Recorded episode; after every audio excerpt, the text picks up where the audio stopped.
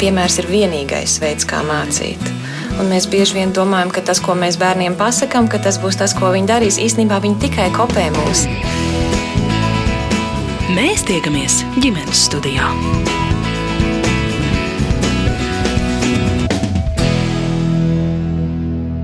Labdien, un esiet sveicināti ģimenes studijā.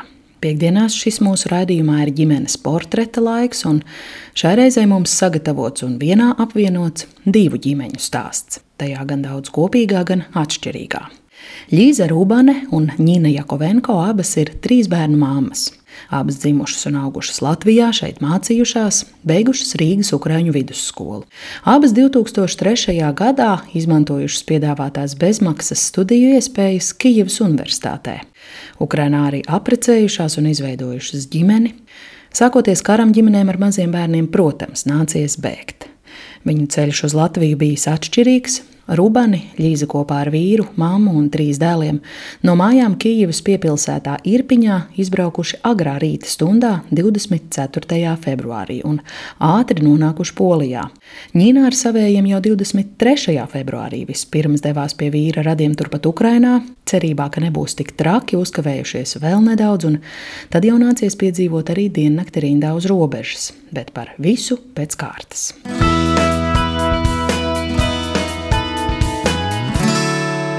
Gribētu sākt līdzi ar jums, ka jūs eh, pastāstat par sevi. Kāds ir tas jūsu dzīves stāsts? Jūs esat eh, dzimuši šeit, Ukrāņu ģimenē vai ģimenē, kas ir jaukta? Nu, etniski mana ģimene ir eh, Ukrāņu ģimene. Tas viena puse tēva ģimene, bet uh, mana vecmāmas ģimene, viņi visi ir no Latvijas. Gan mana vecmāma arī ir dzimusi Daugupilī. Mēs bijām visi no sākuma krieviski runājoši. Es mācījos Rīgas Ukraiņu vidusskolā vairāk jūtos kā ukraiņiski etniski. Mans vectēvs ir no Ukrainas. Kad es pabeidzu Rīgas Ukraiņu vidusskolu, mēs aizbraucām uz Kijevu mācīties Kijavas Nacionālā universitātē. Un, principā, visu studentu laiku es plānoju atgriezties Rīgā, jo bija baigā patriote.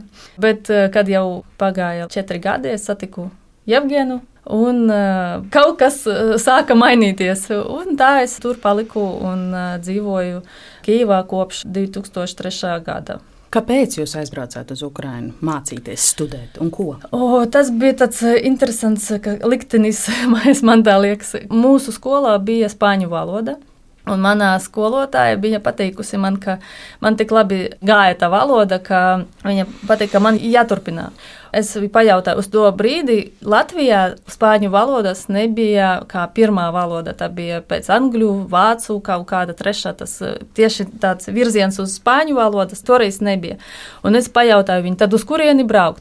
Un viņa man piedāvāja braukt uz Kievu, jo vēl 1994. gadā Kučmā, Ukraiņas prezidents, bija atbraucis uz Latviju, un, protams, ka visas Ukraiņas delegācijas arī tikas ar Ukraiņu Ukrāņus vidusskolas skolēniem, ar direktoru un tā tālāk. Un mēs eh, vienmēr viņus satikām ar koncertiem.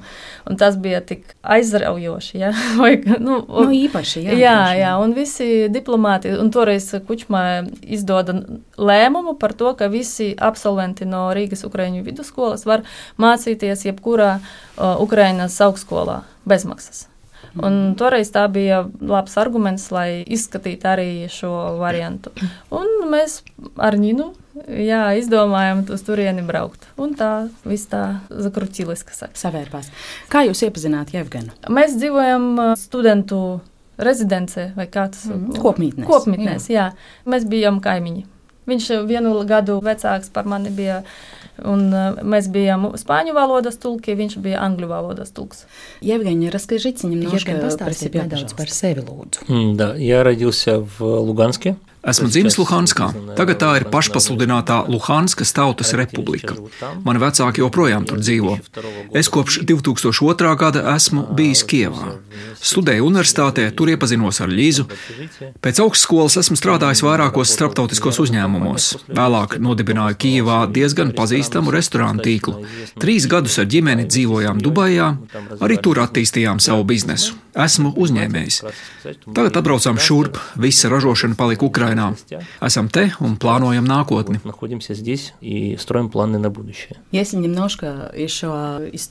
Ja vēl nedaudz par jūsu ģimeni, kādu atceraties iepazīšanos ar Līzu, šo meiteni no Baltijas?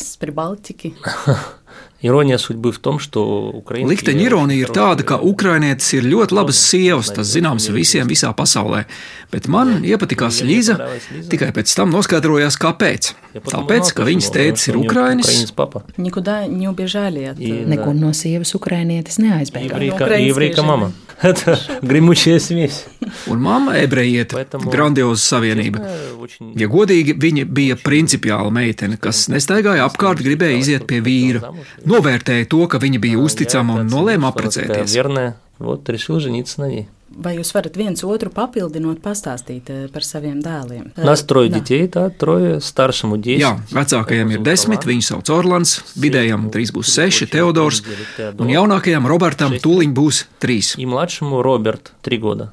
Какие они? Kādi viņi ir? Они любят Украину очень сильно и хотят, чтобы Путин вместе с кораблем. Viņi ļoti stipri mīl Ukrainu un ļoti grib, lai Putins kopā ar Krievu karakuģi aizlido kaut kur kosmosā. Tas, ko tagad piedzīvo Ukraiņas cilvēki, turienes ģimenes, ir pelnījis atsevišķu sarunu. Nezinu, vai visu varam ietilpināt šajā. Gribu izteikt pateicību visiem, visiem, kas iesaistās un palīdz, visiem cilvēkiem visā Eiropas Savienībā. Ukraina ir izcēlusi, uzjundījusi visu to labo, kas mājo ikvienā no mums. Apbrīnojami, kā cilvēki palīdz, neko par to pretī neprasot. Tas dara mūs cilvēcīgākus. Tāpēc es pateicos visiem eiropiešiem, kas palīdz Ukraiņai ukraiņiem, kur ir nonākuši šādā vēsturiski netaisnīgā situācijā.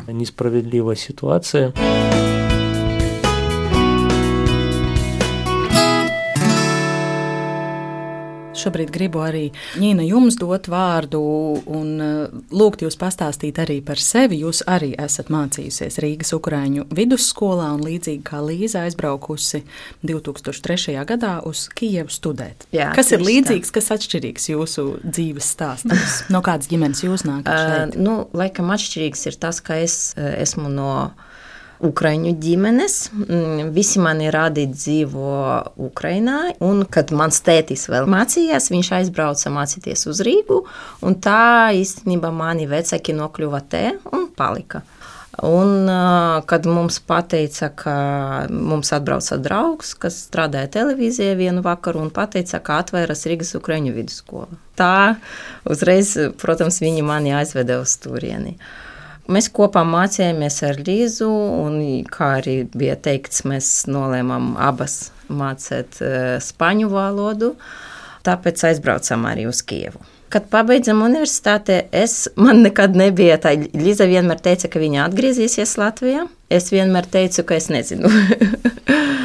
un, kad pabeidzu universitāti, es tomēr paliku tur. Uz to mirkli es vairāk redzēju sevi strādājot un uh, attīstoties tur. Jā, un arī es uh, strādāju lielās starptautiskās kompānijās. Nu, pēc kāda laika, es diezgan ilga laika, starp citu, es satiku jau savu vīru, kurš ir Ukrainis. Mēs apprecējāmies. Starp citu, kāzas mums bija Rīgā, Latvijā. Oh, jā, tā. Kaut arī vienkārši izdomājām, gribējās tā kaut kā nestandarti. Kaut arī mums vairāk viesu bija no Ukrainas. Mums arī ir trīs bērni. Mēs līdz šim dzīvojam Kijavā. Mm, vīram ir eh, arī savs bizness. Šobrīd esat Rīgā. Jā, es ar bērniem esmu te. Vīrs ir eh, Ukrainā. Te mēs noteikti nonākam uh, līdz stāstam par jūsu izceļošanu. Es gribētu, lai jūs um, izstāstat, uh, kurā brīdī un kā notika jūsu izbraukšana no Kijavas, no Ukrainas, kuros datumos un kāds ir tas uh, stāsts. Я доверял слухам Saimniekam prezidenta Baidena. Es noticēju baumām un prezidenta Baidena teiktajam, ka Putins ir pieņēmis lēmumu uzbrukt. Skatoties viņa uzstāšanos, kurā viņš pauda, ka atzīst pašpasludinātās Luhanskas un Doņetskas tautas republikas, es redzēju spēcīgu naidu un dusmas, ko viņš izjūta pret Ukrainu. Ja valsts vadītājs ir tādā stāvoklī, izjūt tādas emocijas, tas ir pazudinoši visiem. Mēs ar Lizu sākām gatavoties. Dzīvojam Kīivas piepilsētā. Es sapratu, ka tiklīdz sāksies kādas militāras darbības, būs milzīgi sastrēgumi. Bijām savākuši dokumentus. Sapratu, ka neesmu armijas cilvēks. Man ir trīs mazi bērni, un pirmais, kas jādara, jāizved ģimene, un tikai tad varu domāt, ko tālāk. Pamodos 5.40, kaut kāds neredzams spēks mani pamodināja Не разбудила какая-то неведомая сила. 24. Tas bija 24. februārī. В 5 утра, да, я Jā, 5 no rīta, kad otrā Putina runa gāja uz beigām. Ātri braucu uz degvielas uzpildes staciju, pielēju pilnu bāku. Pirms izbraukt pamodināju Līzu, teicu, savāc visu, mēs braucam. Sametām nepieciešamāko mašīnā, nedomājām, ko mantisku glābt. Pabijām sastrēgumā tikai kādas 15 minūtes. Dzīvojām Irpiņā. Tā ir Kijavas satelīta pilsēta. Bijām viena no pirmajiem, kas izbrauca. Ap sešiem vakarā jau šķērsojām Polijas robežu. Tad vēl nenotika mobilizācija, bet pat ja notiktu, man ir trīs nepilngadīgi bērni, es varu izbraukt un atgriezties Ukrainā jebkurā laikā. Līza, Kā jūs tajā rītā uztvērāt Jevgena norādījumus, krāmē mantas, mēs braucam? Ko jūs jutāt, domājāt un darījāt tajā rītā? Ziniet, tas sajūta, kas bija manā organismā, nezinu, ķermenī, jā. ķermenī jā, viņa jau sākas Spriedze, saspringumā jā. jau no tiem pirmiem Baidena vārdiem. Mm. Un visu laiku Jevgens vēl bija ar manu vecāko dēlu Grūzijā, viņi slepoja. Un, uh, mēs bijām visu laiku kontaktā, un to laiku, kamēr viņš ir bijis tur, man uh, sūta instrukcijas, ko darīt, ja kas. Un es atceros to sajūtu, ka manas smadzenes vienkārši bija pretī. Es nevaru vispār uh, uztvert to, ka man tagad jākrāj mantas, jo sāksies kaut kas nu, īstais karš. Un es līdz pēdējiem brīdim neko nesavācu. Es tikai paspēju tā pirms tam 24. februārim sakrāju tikai dokumentus. Bet pārējais nekādus tur somas vai kaut kādas ātrus nekas nebija. Tāpēc, kad, kad jau 24. atnāca, tad nu, tas sāks, Jevgens man teica, ka man jākrāj mantas. Es atceros, ka es vienkārši kā robots gāju un krāju visu, ko tikai redzēju, un tur nebija nekādas loģikas, nebija nekādas sistēmas. No vienas puses bija sajūta, ka tas var būt uz visu, nu, uz, uz visu mūžu, es nekad neieraudzīšu vēl to, kas palicis. Otra doma, kā es varbūt vēl atgriezīšos, nu, un tas tikai ir joks, vai tas nav īstenība, nu, kad viss tagad atgriezīsies. Kaut kas pateiks man, ka atmiena, kad, mm -hmm, nu, ka tas tiek atcelts. Jā, jā, jā, jā. Nu, jā jo neviens neticēja. Mūsu jā. kolēģi Latvijas sabiedrisko mediju žurnālisti tajos datumos bija Austrum Ukrainā un no turienes ziņoja. Nav stresa 22. un 23. februārī cilvēki netic, kāds uzpilda nedaudz vairāk degvielu. Bet, principā, neviens nu, nekur neskrien. Jā. Ko jūs teicāt bērniem? Tā rītā? kā ir. Mēs teicām, ka ir risks, kas tagad sāksies karš, ka viņš jau principā ir sācies. Mm. No sākuma viņi vienkārši visu laiku jautāja, kā tas var būt. Viņi domāja par saviem draugiem, viņi uztraucījās par to, ka tagad viņi neies uz skolu, bet visi viņa draugi ies uz turieni, ka, ka tas nav godīgi viņus no turienes aizvest. Nu, nu, tā tālāk. Tā, viņi, viņi neredzēja, viņi nedzirdēja nekādus bombus, tad vienkārši no sākuma viņi vienkārši nesapratīja, kas notiek īstenībā. Par reakciju, dzirdēju. Par bērnu reakciju tajā rītā. Дети спали, мы сказали, что началась война. Вот, мы... Bērni gulēja, mēs viņus pamodinājām, teicām, ka sācies karš, un mēs braucām prom no Ukrainas. Bērni, protams, teica, ejam, sadosim tam Putinam. Viņi mums ir supervaroņi. Es ierosināju, ka labāk vispirms izbrauksim un tad vilksim supervaroņu tērpus. Viņiem bija grūti nosēdēt mašīnā visu garo ceļu. Kopā ar mums brauca Līzes mamma. Viņas situācija ir neapskaužama. Viņa septembrī pārdeva savu divu stabu dzīvokli šeit, Rīgā, pārcēlās pie mums uz Kijevu, nopirka dzīvoklīti tur. Вот. Чтобы быть с вами, lai būtu да, ar jums kopā. Да, да. Nu, и, как вы понимаете, jā, jā, kā saprotat, tagad viņai nav ne dzīves vietas, ne naudas. Pat nezinu, pie kā lai tagad vēršas, jo viņas gadījums neiekļaujas tajos vispārējos noteikumos par palīdzību, ko politiķi šobrīd pieņem. Bet kaut kur jau būs jāiet pēc risinājuma. Uz Rīgas domu varbūt kaut kas ir jādomā. Karš pēc būtības ir unikāls notikums. Eiropā 80 gadus nebijusi parādība. Ļaudis, kas no tā bēg, ir normāli cilvēki, ģimenes, lielākoties sievietes ar bērniem. Eiropas Savienība pieņēma lēmumu, ka dos darba atļaujas, bet man šķiet, ka sievietes ar bērniem šobrīd nav gatavas strādāt. Es aicinātu aizdomāties par beznosacījuma bāzes ienākumu vismaz uz trim mēnešiem, un lai vienīgais šāda pabalsta piešķiršanas nosacījums ir, ka tavā pasē ir ieraksts, ka tu sākot no šī gada 24. februāra esi izbraucis no Ukrainas.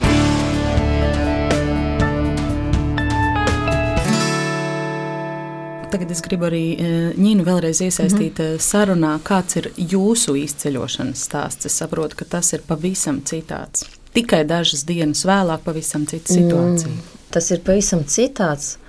Kaut arī tas sākas īstenībā vienu dienu agrāk. Tomēr. E, jā, bet mums bija, bet tā nebija vēl izceļošana. Mums vienu dienu agrāk, 23. datumā, manam vīram piezvanīja draugs, kuram ir pieeja informācijai. Un teica, ka būšot labi, ja viņš izvestu mani ar bērniem pie vecākiem. Tas mm -hmm. ir 100 km pie, no Kievas. Piedodiet, cik veci jūsu bērni? Cik jums ir? Uh, man ir trīs bērni, 6, 4 un 2 gadi. Mm -hmm.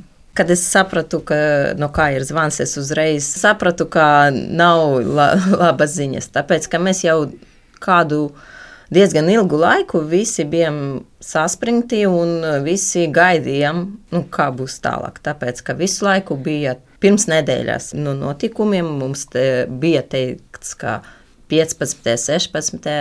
sākšot kaut kādas tur aktivitātes, militāras jā. aktivitātes. Un mums bija izrunāts viss ar vīru. Mums bija kaut kādas gatavošanas. Pat bija rācijas jau kādu ilgu laiku pirms tam mēs nopirkam. Mums bija virs strādā netālu no mājām, un viņam bija darba viena rācija, un man mājas viena rācija. Tas ir gadījumi, ja mums nebūs šot, kā sazināties, kaut kas notiks, lai mēs esam kaut kā varam sazināties tomēr. Uh, un kad uh, dienu iepriekš, kad mums piezvanīja draugs, es uzreiz sapratu, ka nu, nebūs labas ziņas. Uh, Viņš teica, ka pagaidām nekā, bet preventīvi, lai mēs aizbraucam pie vecākiem, mēs ar bērniem. Un, kad vīrs pajautāja, nebija ilgas sarunas par to, un, Jā. bet vīrs pajautāja, vai viņam braukt ar mums, un viņam draugs teica, nē, nu, tu strādā, paliec, ja kas, tu vari ātri pie viņam aizbraukt. Protams, mēs visas darīšanas nolikam malā, visas mm -hmm. tikšanas un sakam, krāt mantas. Grūti ir saprast tajā situācijā, ko darīt, ko ņemt un vispār sakrāvāt mantas. Tas bija kaut kāds ļoti smags uzdevums. Un es jautāju, uz cik ilgu laiku viņš teica, ka nu, uz nedēļu mēs ņemam, nu, uz kādam piecam dienam mēs ņemam mantas. Pēc tam viss, dai bok, mēs atgriezīsimies atpakaļ, viss būs ok. Mēs sakrām mantas, aizbraucām pie vecākiem, bet mums vecāki vēl slimoja, palūdzam viņus uztaisīt to covid testu un viņam izrādās tomēr covid, un eh, tāpēc mēs aizbraucām uz hoteli. Bet tā ir pašā pilsētā, kur vecāki dzīvo un uh, vīrs aizbrauca ar mums. Tas bija pats labākais. Ka viņš bija kopā ar mums, mēs palikām tur. Tā bija kā Mēs paši vēl teicām, ka mums tādā nelielā atpūta, ekskursija, ekskursija jā, jā, atpūtā jā. kaut kā tā. Un nākamajā dienā no rīta mēs pamodāmies no zvaniem. Man zvanīja mana darbiniece. 24. no rīta. Jā, februārī. jā man ir kafejnīca, un man zvanīja mana darbiniece.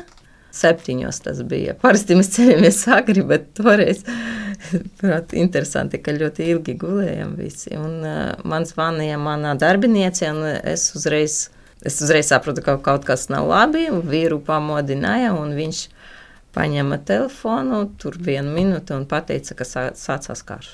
Tā ir mirkli, bija grūti rēģēt uzreiz un saprast, ko darīt. Tāpēc, ka līdz pēdējiem mēs neticam, ka tas notiek. Mūsu smadzenes negrib ticēt, mēs negribam ticēt. Un, kad mēs runājam pirms tam, es zināju, un vīrs teica, ka viņš paliks. Ja kaut kas tāds notiks, viņš paliks un viņš karos par mūsu valsti. Un tas bija vēl viens uh, nopietns arguments, kāpēc mēs uzreiz neskrējām kaut kur. Tad 24. datumā no rīta vīrs saka to informāciju visu, meklēt, analizēt. Viņš ir tas, kas pieņem lēmumu tomēr. Es ar bērniem tur baroju viņus un darīju savus, eh, to, ko man jādara. Kā jau ģimenē, kurā ir trīs tik mazi bērni. Jā, un eh, no rīta mēs nolēmām, ka pagaidām mēs nekur nebraucam, paliekam. Mēs aizbraucam pastaigāties ar bērniem, tur satikāmies ar vīra māsu, kurai pēc mēneša jādzemdē. Un viņa turpat dzīvo tajā pilsētā. Tikai pēc pusdienu laika. No sākuma no rīta tas bija tā, ka šāva tikai militārajos uh, objektos. Bija doma, ka tas ir panikai, un nebija doma, ka tas būs uh, aizies tik tālu pēc tam. Kad jau ap pusdienu laiku tas viss gāja plašumā un, un sliktāk situācijā, taisījās, tad mēs sākam domāt, ka jābrauc kaut kur uz, uz rietumu pusi. Izdomāju, kur mums ir radinieki, kurās pilsētās. Uh, Ukrainā vēl. Jā, Ukrainā. Jā. Mums diezgan daudz, jo manai mammai ir četri brāļi un ļoti daudz radinieku. Un virs no tām pilsētām, kur ir cilvēki, virs teica, kura pilsēta ir labāk uz to pusi. Es piezvanīju mūsu rādiem un teicu, ka mēs brauksim viņu pusē. Un kad mēs krāvām mantas un braucām un, un zvanījām rādiem un teicām, ka mēs braucam, virs vēl teica, ka tā kā sāsinās situācija, tad mēs pabraukāsim, pabrauksim drusciņu uz to pusi. Ja kas, rīt atgriezīsimies. Tomēr mēs braucam vēl ar domu, ka tas uh, drošībai dēļ mēs pabrauksim uz to pusi. Un aizbraucam uz pilsētu, kas saucas uh, Rīvne. Pie mūsu radiem uz to pusi jau ceļā bija ļoti daudz mašīnu. Visi brauca uz to pusi. Atbraucam jau vakarā, vēl tur ap ap 9 vakarā. Tie mani rādīja, mēs, nu, tā ir tante un viņas eh, bērni. Tāda ģimene, kā, kā mēs, tāda vecuma ģimene, viņiem ir divi bērni. Kad mēs atbraucām uz viņu pilsētu, viņi jau brauca uz Poliju. Viņi tieši tajā mirklī izbrauca. Mēs uz piecām minūtēm satikāmies. Ja? Jau saka, tur arī izvest ģimenēs. Mēs tomēr palikām uz naktī, tāpēc ka mēs nu, bijām saspringti un, un ceļā un bērni. Un, Braukt kaut kur tālāk, un cerībā vēl kā nebrauksim. Var būt, jā. jā, var būt. Palikām uz naktī. Vēl vakarā man teica tante, ka viņai piezvanīja no uh, slimnīcas un teica, ka naktī būs šaus arī uz viņu pilsētu būs arī tur. Pārunājām ar vīru un no, nolēmām, ka mēs paliksim pārņakšņosim. Un piecos no rīta es pamodos no sprādziena skaņas. Tas bija lidostā, viņi šāva uz, uz lidostu. Nu, mēs pamodāmies un sakravējam atkal mantas un braucam tad jau uz robežu. Mans tur brālēns, kurš izveda samu ģimeni vakarā, viņš stāvēja rindā no rīta. Tur kaut kāds trīs stundas laikam līdz robežai. Un viņš vat, vakarā aizbrauca, un viņi visu nakti nostāvēja rindā. Viņš joprojām stāvēja rindā un teica, ka viņam tur vēl kādi septiņi kilometri ir jāstāv. Mēs aizbraucām, mēs braucam uz citu robežu. Mm -hmm. Atbraucām uz robežu, tur bija septiņi kilometri sastrēgums. Mēs mhm. aizbraucām pa pretējo joslu un izbraucām vairāku daļu rindas. Pēc tam palūdzam, lai mūs ielaiž rindā. Un mēs stāvējām līdz nākamajai dienai. Kopumā mēs uz eh, vienu dienu pavadījām. Uz robežas. Uz robežas. Tieši uz robežas mēs pavadījām vienu dienu. Un mums vēl, vēl bija labi, ka es iepriekšējā vakarā tur sagatavoju ēdienu, un vienkārši mums bija katls. Jā, mums jā, bija ēdienu. katls ar ēdienu. Es tieši gribēju jautāt, praktiski 24 stundas jā. uz robežas automašīnā ar tik maziem bērniem. Tur nav veikals pa labi, pa kreisi, lai kaut ko jā, tur iedod. uzpildīt stacijas bija, un, nu, bet tur jau normāla ēdiena nebija. Tur bija, bet kad mēs tur bijām, tur vēl bija kaut kādi šokolādes, kaut kas tāds. Vismaz kaut kas. Jā, jā ko uzkost. Un galvenais, ka visi, kas tur stāv, viņi visi ir ar bērniem. Tāpēc, ka nu, vīri nebrauc jā, prom, brauc sievietes ar bērniem. Un, jā, un es sapratu, un kad es, mēs bijām tur, es arī sapratu, ka, ka es vēl biju sagatavojusies, jā, ka mums ir uzpilns eh, ar degvielu, jā, mm. mēs mhm. uzpildījām degvielu. Mums ir ēdiens paņemts līdzi, ja, un mums vēl laba situācija ir. Kas jums, piedodiet, bija tajā katlā sagatavots? es plovu sagatavoju. Sievišķīga interese. es plovu, plovu sagatavoju. To, to, ko ēd mani bērni, kas viņ, viņiem garšo. Kad mēs izbraucam vēl no Kievas 23. es paņemu visu līdzi, kas man bija leduskapī. Un paņēmu uh, rīsus, grīķus tādu. Un kad mēs atbraucām pie rādiem Rīvnē, man bija gaļa līdzi, kur vajadzēja sagatavot, tāpēc, ka tā bojājās.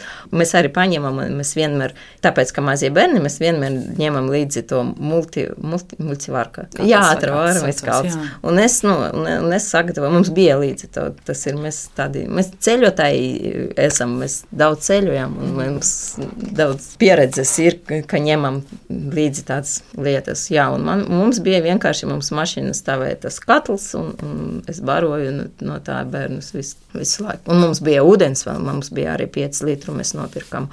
Un tad mēs eh, uz robežas mēs atvedāmies no vīra, viņš paņēma savas mantas, un pēc tam viņš atgriezās ar eh, mašīnām, kas brauca vienkārši Viņš atgriezās uz, pie saviem vecākiem, pie saviem radiem uz to pilsētu, 100 km no Kīvas. Kas ar viņu ir tagad? Kur viņš ir? Viņš ir turpat, viņi ir turpat. Tā ir pilsēta, kura ir diezgan mierīgi. Rietumpusē, jā? Jā, jā bet nu, tas ir 30 km no Žitomira. Žitomira jau šauj, tur šauja militārā kaut kāda bazē, objekts, bet tā ir objekts, jā, bet tas ir pie dzemdības namā, un dzemdības namu arī tur trāpīja. Tas ir tas, ko mēs ziņās dzirdējām. Jā, jā, jā un tas ir tuvu, jau tas ir tuvu pie ot, mana vīra un viņu radiem. Ko viņš jums ziņo? Kāda ir jūsu saziņa šobrīd? Mēs visu laiku esam kontaktā, paldies Dievam, un uh, viņi tur uh, visi dara kaut ko, kas var palīdzēt. No pirmajām dienām viņi taisīja kokteļus, molotovu kokteļus. Viņi taisīja, nu, piemēram, sievietes, jā, tur taisā tas maskēšanas tīklus. tīklus un uh, viņi, mana vīra vecākiem ir kafejnīca, pieceļa kafejnīca. Tā ir jau slēgta tagad, protams, bet viņi ēdināšanā ir profesionāļi vis, visu dzīvi. Viņi ar to darbojas. Viņi tagad bāro cilvēkus, kas stāv uz uh, punktiem, tas caurlaides punktiem, uz barikādēm būvēja barikādas visu. Visi iesaistās kā var. Jā, jā, visi dara kaut ko iespējamu un palīdz uh, arī kaut kā cilvēkiem. Mēs tiekamies ģimenes studijā. Šodien ģimenes studijas dubultportretā divu ukrāņu, Rubānu un Jakovenko ģimeņu stāsts. Abās māmas dzimušas un augušas ukrāņu ģimenēs Latvijā, šeit mācījušās, bet studējušas, ģimene veidojušas un pēdējos gandrīz 20 gadus dzīvojušas Kijivā. Sākoties karam, protams, nācies bēgt, jo katrā ģimenē aug pa trīs bērniem. Līza un Jevgens uz Rīgu atveda savus 10, 6 un 3 gadus vecos dēlus. Nīna, kuras vīrs palicis Ukrainā, atbrauc kopā ar sešgadīgo meitiņu, kā arī četrus un divus gadus vecajiem dēliem. Radījuma pirmajā daļā jau dzirdējām izklāstu par to, kāds bijis viņu šurpceļš, bet sarunu turpinām ar to, kā šo jauno realitāti skaidrot bērniem, kā pieņemt to pašiem un kādu šīs ģimenes redz savu tuvāko nākotni.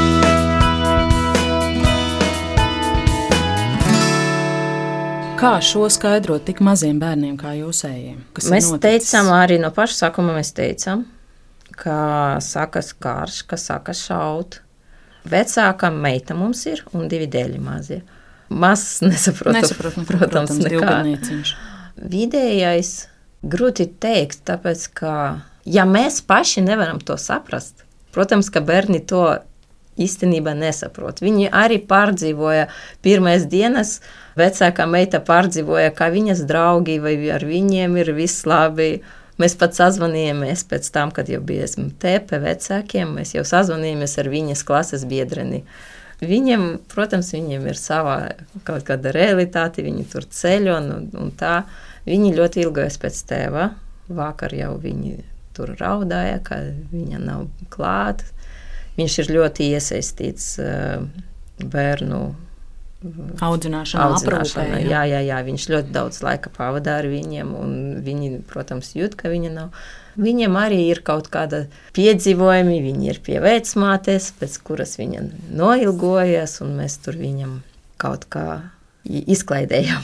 Kur jūs esat apmetušies? Un tas ir jautājums gan jums, Nīna, gan jums līdzi. Kur praktiski jūs šobrīd esat? Nu, man ir vieglāk, es, tāpēc es sakšu, tāpēc, ka mm. es atbraucu pie vecākiem, un e, mēs dzīvojam tagad pie vecākiem. Tos, mēs uz doto brīdi palikam pie manas e, draudzenes. Viņai ir māja Jurmalā, un e, mēs sarunājam, ka līdz svētdienai mēs šeit palikam.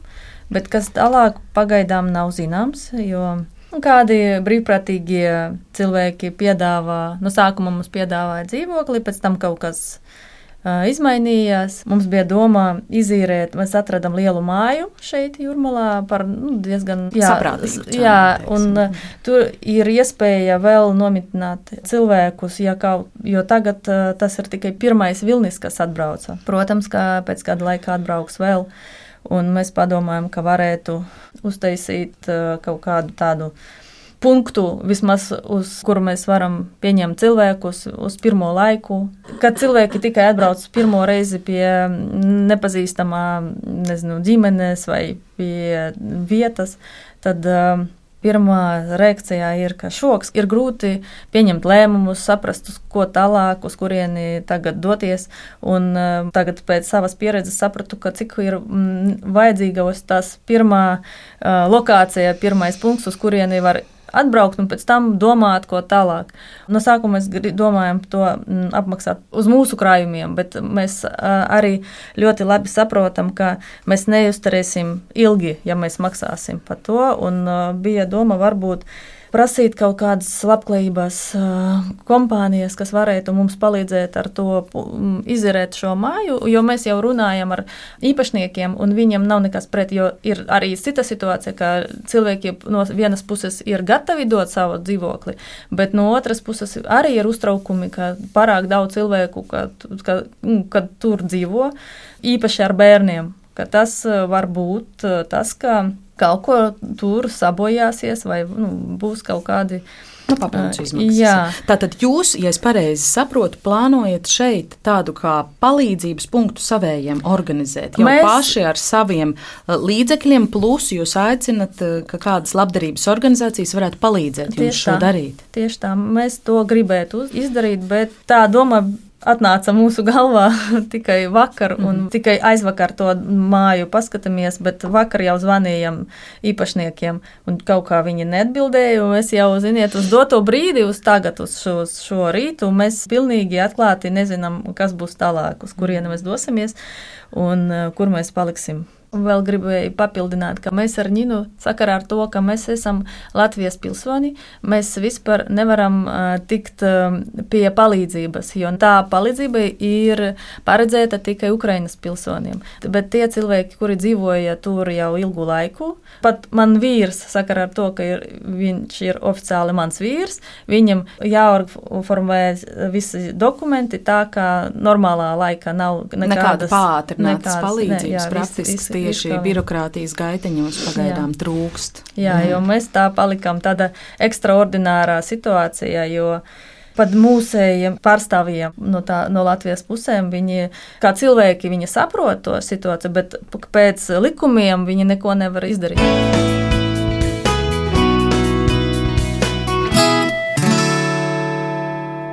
Нужно помогать Украине в целом сейчас Ir jāpalīdz Ukrainai, jo pēc Krievijas prezidenta loģikas vadoties arī Latvija un Lietuva, Igaunija un Polija, kā arī citas Austrumēropas valstis varbūt ir dibinājuši komunisti vai Ļeņins, un tās nekad nav bijušas patstāvīgas. Jums jāpalīdz arī sev pašiem. Kopš esam bēgļi, mēs zinām, kas ir kas, kam tiešām ir nozīme un kas var izputēt kā pelavas vējā. Bet Latvijā es redzu, ka cilvēki ir dusmīgi, nesveicinās, neuzsmaida viens otram, novēršas. Visiem viss ir individuāli. Ticiet man, stāvot vienā bezgalīgā sastrēgumā, kad beidzas degviela un ūdens, tie paši cilvēki būs jūsu brāļi un māsas. Tie nav kaut kādi pārspīlēti uzsaukumi, tas ir ļoti reāli. Ir laiks vienoties un aizvākt visu, kas šķeļ cilvēkus Latvijā. Arī tie vienkāršie strādnieki, uz kuriem kāds varbūt šobrīd skatās no augšas, paņems ieročus un aizstāvēs mūs un jūs. Ir ļoti svarīgi, lai cilvēki saprastu, ka nav nekādas nozīmes, kāda kuram ir mašīna, kāda kuram māja. Lai cik jums būtu naudas, tam nav nozīmes. Es ieteiktu apvienoties. Mani, piemēram, ļoti pārsteidz, ka Latvijā vispār pastāv tādas nepilsoņu pasas. Kā tas palīdz vienot sabiedrību? Политикам būtu par to jāpadomā. Krievijas politiskā hidra Donbasā labi maskējās. Visi saprata, ka apmāca turienes karavīrus, kādi militārie spēki tur ir, bet oficiāli neviens nevarēja Krieviju apvainot, viss bija nomaskēts. Tāpēc var saprast politiķus, kas neko nedarīja, it kā kaut kādu palīdzību sniedza, bet tas bija lokāls konflikts, pārruna jautājums. Visi taču labi saprata, ka Putins pievāca Donbasu tikai un vienīgi tāpēc, lai viņam atzītu Krimu. Ja visi atzītu Krimu par Krievijas sastāvdaļu, Donbasā situācija atrisinātos dažu nedēļu laikā, Ukraina to atgūtu. Tagad jau ir cita situācija. Tā ir agonija. Krievijas karaspēks vairs neko neslēpj, sauc to par spēcoperāciju, bet šauj, kur vien var trāpīt, un tas ir briesmīgi. Tie, kas tagad izvēlas paklusēt, būtu jāaptausta. Dzīve vēl vai ne? Valodas jautājums šobrīd ir otršķirīgs. Ja cilvēkam vajadzīga palīdzība, to var saprast arī bez valodas, ka vajag kaut ko iedot, kaut ko palīdzēt. Esmu sapratis, ka mēs visi, visa pasaule, esam ļoti bagāti. Cik daudz tukšu māju un dzīvokļu stāv tukši jūrmalā.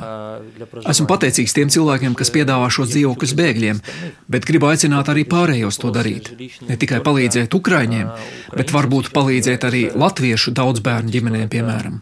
Ja cilvēkam ir iespēja palīdzēt, kāpēc jāsagaida karš, jāpalīdz te un tagad un tiem, kam tas ir nepieciešams, un jādalās ar to, kas ir. Uzkrājumi, bizness, tam visam vairs nav nozīmes. Dalīties te un tagad tas ir tas, ko mums mācīja situācija Ukrainā. Ja par mūsu ģimeni, tad mēs šobrīd centīsimies pēc iespējas palīdzēt visiem tiem, kas no Ukrainas pārvāksies šurp.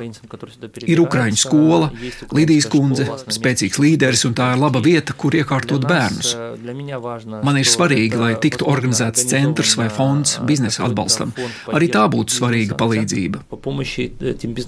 Это тоже будет большая помощь сейчас.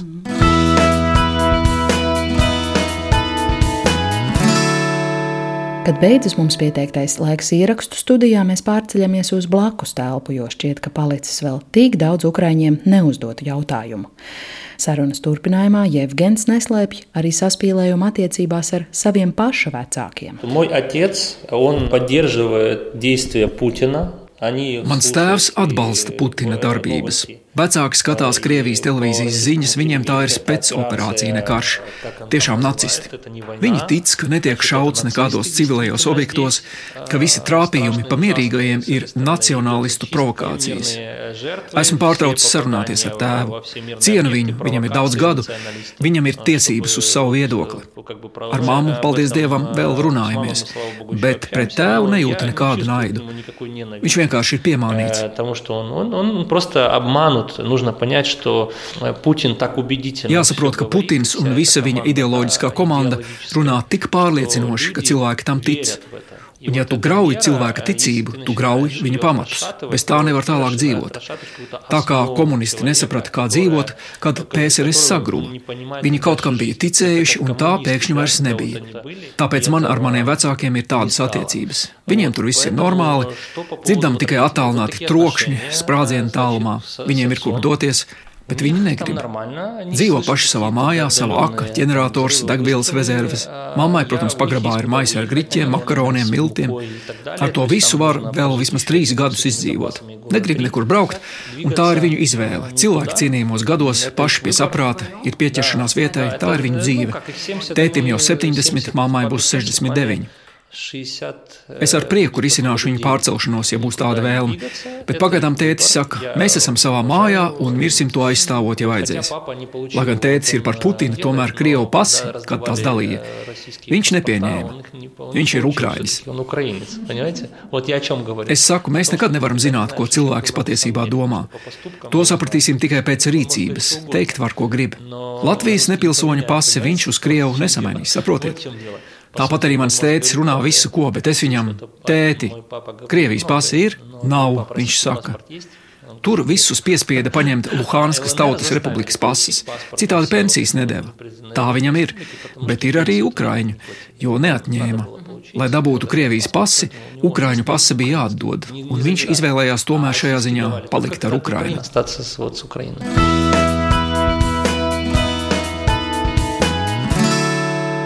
Kā tagad eh, šīs dienas jūtās jūsu bērni? Ko puiši saka, ko jūs ar viņiem pārunājat? Bijām pateikusi viņiem, ka drīz eh, it kā viņi ies uz skolu, jo mēs pierakstījām viņus eh, Ukraiņu vidusskolā. Viņi, mm, nu, pagaidām viņi izklaidās, ka it kā tagad ir kaut kāda brīvdienas viņiem. Uh mhm. -huh. Es nezinu, mūsu vecākais dēls, kuram ir desmit gadi, mēs taču no sākuma viņš aizgāja bērnu dārza Kīvā, pēc tam mēs aizbraucam uz AAE.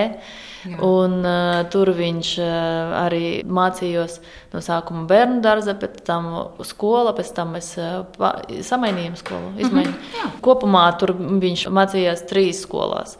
Pēc tam mēs atbraucam uz Kīvu atpakaļ, un tur atkal viņš mainīja kādus trīs skolas. Bērnam tas ir stress. Un mēs jau, kad viņam pateicam, ka varbūt tagad jau būs jaunā skola, Viņš kaut kādā pišķiņā tresē, un mēs varbūt pat pārdomāsim, varbūt viņš pats tās mājās. Nu, nekas netiks, lai ja viņš trīs mēnešus nemācīsies. Uh, bet mazais un vidējais, viņi droši vien, nu, es tā domāju, ka viņi aizies uz bērnu dārzu un nu, tur izklaidīsies. Jo uz doto brīdi viņiem trūkst, protams, draugus.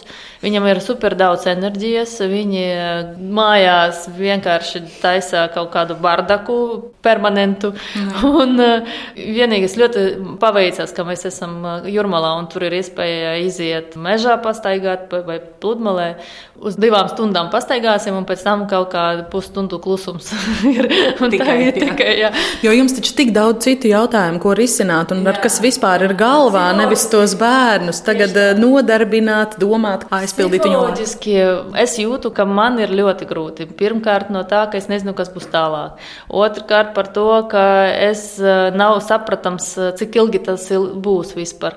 Trešais, eh, man tomēr jābūt ar viņiem kopā, bišķiņ paspēlēt, parunāt, jo viņi arī jūta mūsu to stresu, jā, un uz kurieni jābrauc. Tagad vēl paveicās no otras puses, ka mamma ir ar mani, ka viņa, viņa var arī palīdzēt. Bet ja nebūtu mammas klāt, tad vispār, kā tagad lielāka daļa ar tiem bēgļiem no Ukrainas, viņi brauc, paveicās jā ar vīru, bet lielākā daļa tas ir, tas ir tikai sieviete ar bērniem maziem. Mm -hmm. Tas ir grūti. Nina, kā ir jums un jūsējiem šajā ziņā? Ļoti līdzīgi. un galvenais ir tas, ko Līza teica, ka viņiem ir enerģija, viņi grib skraidīt un tā tālāk. Maniem vecākiem ir ļoti maza maiņa. Mana mamma ir, nav tik enerģiska, teiksim, tā viņai ir grūti nu, es redzu, ka viņa arī nogurst un tāds grūts moments.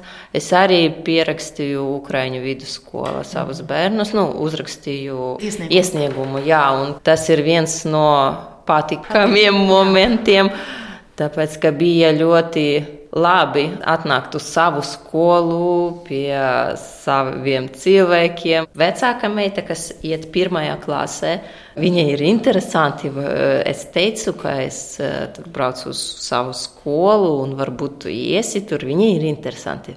Tiešām es iešu uz tavu skolu, un es saprotu, ka mūsu bērniem tieši Ukrāņu vidusskola būs lab, vislabāk, tāpēc, ka tur runā Ukrāņu valodā un tur vissaprotošākie, es domāju, cilvēki. Mm. Tāpēc, ka kaut kādā latviešu valodā, īpaši skolā aizsūtīt tagad bērnu, kuram ir stress no tā, kas notiek, un nepazīstamie cilvēki valoda stundās viņi arī nesapratīs. Protams, Ukrāņu vidusskolā arī ir latviešu valodā eh, kaut kādi priekšmeti, bet, nu, vienalga kaut drusciņ tas būs vieglāk un Saudzīgāk. saudzīgāk. Es arī gribēju piepildināt par to, ka tajā pašā laikā, tajā pat skolā būs vēl citi bērni ar līdzīgo situāciju. Tas nozīmē, ka viņi nebūs viens uz pretī tiem bērniem, kuri jau ir iekšā iesaistīti procesā un nu, it kā viņi normāli jau jūtas. Bet, kad tu esi vēl ar kādu jauniņu, jā, Jā, tad tas nozīmē, ka vismaz divatā, trijatā viņi būs kā no sākuma. Un tie pirmie draugi, es tā domāju, ka var būt tieši tie, kuri atnāca arī tādi jauniņi kā viņi. Bet bērnu dārzs mums, piemēram, Rīgā ļoti sarežģīti vispār ir ar bērnu dārziem. Jums jau ir kaut kādas saprašana, būs tā vieta bērnu dārzā?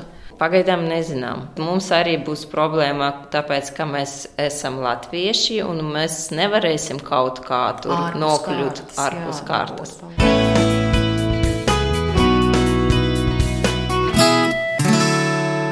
Saprotu, ka pilnīgi neprātīgs jautājums, un es ceru, ka es savaldīšos. Un pēdējais no manas puses, jo man gribas tikai jautāt un jautāt, eh, bet eh, nu, kādu jūs vispār redzat savu ikdienu dzīvi uz priekšu? Kāds ir priekšstats par to, kas un kā tagad būs? Tiešām visgrūtākais jautājums. Laikam tas ir laiks, kad mēs dzīvojam momentā. Zināt, visu laiku mēs centāmies dzīvot momentā. Jā, centāmies Jā, jā, jā. Šeit un tagad, jā. Jā, jā. Un ot, tagad mēs laikam dzīvojam momentā kā nekad, tāpēc ka mēs tiešām nezinām. Grūti saprast, eh, ko darīt, uz cik ilgu laiku. Es arī tagad vakar saku domāt, kur es varu strādāt, vai man jāiet uz darbu, kā tas viss. Pirmais ir, ok, bērni ceram, ka viņiem būs skolā bērnu dārzs, ar, ar kaut ko sākam jau. Man ir kur dzīvot. Es tagad esmu laimīga mm. šajā situācijā. Katru dienu jaunās domas. Pāris dienu atpakaļ bija doma, ko darīt, vai vajag reģistrēt bērnus, vai vajag tur. Mēs nu, kaut kā es noformēju arī dokumentus aizvakar, kā es aizbraucu, es deklarēju savu mm. dzīves vietu, jā, jā. lai kaut ko vispār sāktu. Un katru dienu mēs darām tos mazus solīšus, jā, un Tagad mēs neplānojam uz ilgu laiku, neilgu, un katru dienu kaut kādu no jaunu uzdevumu risinām. Bet tētis paliek tur un paliek. Pagaidām, jā, viņš paliek tur. Nu, viņam ir iespēja izbraukt un iebraukt Jā, daudz bērnīgajām. Jā. jā. Pagaidām viņš ir tur. Jūs viņu nemēģināt pārliecināt, braukt šurp. Nē. Laikam es biju jau sagatavota, kad viss tas sakās, tāpēc, ka tomēr runājam mēs ļoti daudz par to. Gadu atpakaļ eh, es teiktu, nē, tu brauc ar mums un tā tālāk. Tagad, kad tas notika, viss, es viņu atbalstu, es viņu saprotu. Un es zinu, ka, piemēram, ja man nebūtu bērni, es būtu tur. Es būtu tur ar viņu. Līdz varbūt jums tas pats jautājums, tā dzīve uz, uz priekšu skatāties, vai arī tikai šeit un tagad? Atklāti runājot, man ir ļoti grūti būt šeit un tagad, jo tiešām tas domas par nākotni, viņi ir bišķiņi tādi uztraucoši.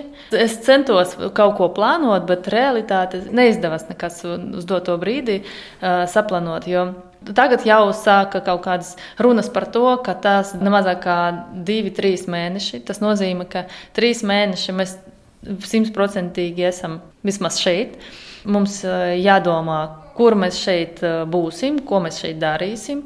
Par trim mēnešiem tas var tā, bet ko darīt, ja tas netiks galā? Pēc trim mēnešiem, ko mēs darīsim tālāk? Un man liekas, ka šīs jautājums visvairāk uztrauc šodien. Nezinu, nu, grūti pateikt kaut ko, nezinu, ko darīsim.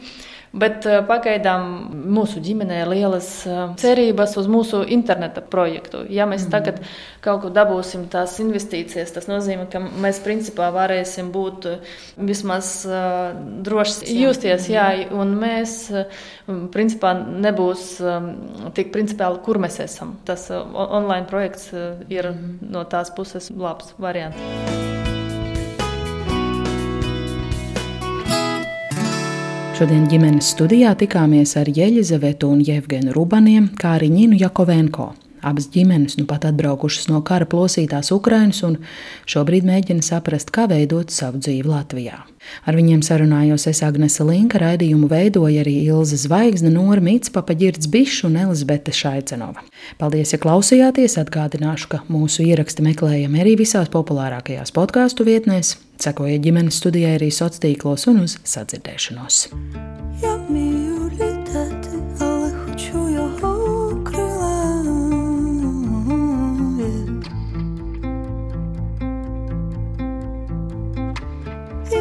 Ja сяю, але для мене світило.